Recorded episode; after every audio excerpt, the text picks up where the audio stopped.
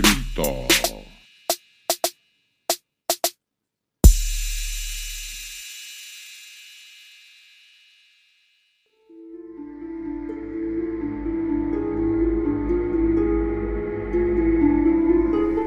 V neki vasi na Golanski planoti, na meji med Sirijo in Izraelom, se je okoli skupine moških, ki je hodila za majhnim dečkom, nabrala gruča radovednežev. Pred neko hišo se je deček ustavil, pokazal na njo in nekaj povedal moškim, ki so bili z njim. Na to se je obrnil k gruči radovednežev, stopil še do njih in pokazal na nekega moškega ter ga poklical po imenu. Moški je potrdil, da mu je res tako ime, vendar je povedal, da dečka ne pozna. Deček pa je dejal: Bil sem tvoj sosed, sprla sva se in ti si me ubil s sekiro.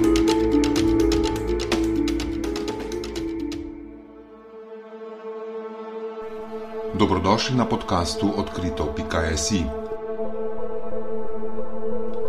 Sloviti Albert Einstein je nekoč rekel, da vesolje ni samo tako čudno, kot se zdi, ampak bolj čudno, kot si lahko domišljamo. Ljudje so odnegdaj bili priča nenavadnim dogodkom, ki burijo domišljijo še leta po tistem, ko so se zgodili.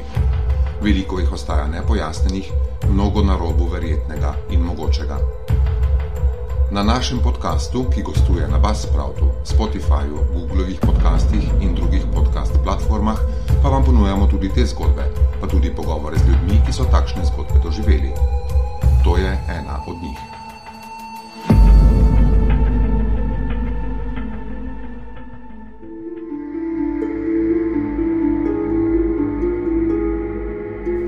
Konec 60-ih let prejšnjega stoletja je triletni deček, pripadnik skupnosti Druzov, nenadoma postal središče pozornosti v mnogih medijih, potem ko se je razvedelo, da je razrešil umor iz svojega prejšnjega življenja.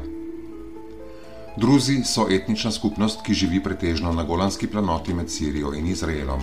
Imajo svojo religijo, ki spada med tako imenovane abrahamske religije. Tja spadajo tudi judovska vera, krščanstvo in islam. Slednjemu je njihova vera še najbližje, vendar se nimajo za muslimane.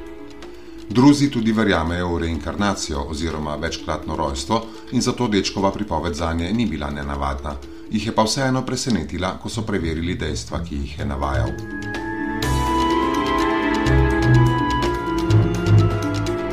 Deček, katerega imena niso razkrili, se je rodil z rdečim znamenjem na glavi.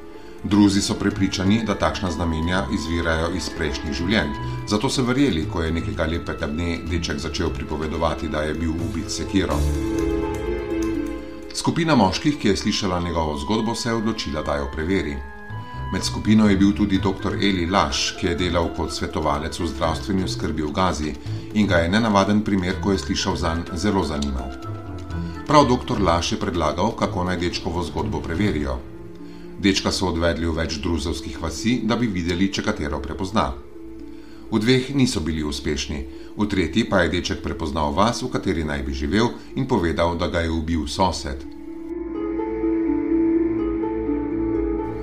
Ko je povedal svoje ime iz prejšnjega življenja, so se vaščani spomnili, da je v vasi zares živel mož s tem imenom, ki pa je štiri leta prej nenadoma izginil. Skupina je dečka odvedla tudi po vasi in na neki točki je fant pokazal hišo, v kateri je živel. Okoli skupine pa se je nabrala tudi kopica vaških radovednežev. Deček je nenadoma stopil do enega izmed njih in ga poklical po imenu. Moški je potrdil, da mu je res ime tako, kot ga je imenoval deček.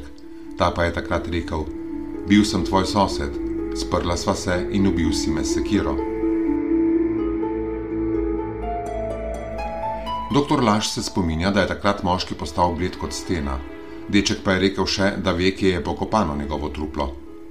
Skupino, v kateri je sedaj bil tudi obtoženi sosed, je popeljal do njih, ki so bile zunaj vasi.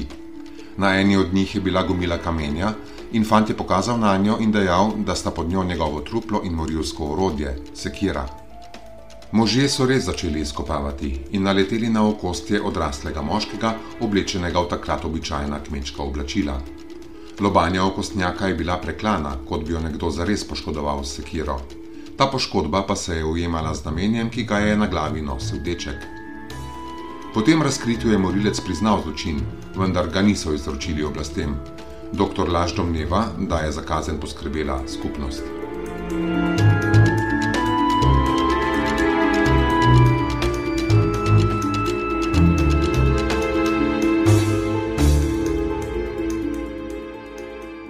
Zgodbo je v svoji knjigi Otroci, ki so že živeli, skupaj z drugimi zgodbami otrok, ki so se spominjali prejšnjih življenj, opisal pisatelj in terapeut Truc Hardo.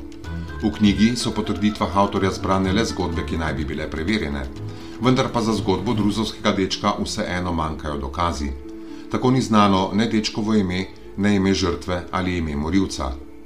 Dr. Eli Laš je umrl leta 2009, potem pa zgodbe ni bilo mogoče preverjati naprej.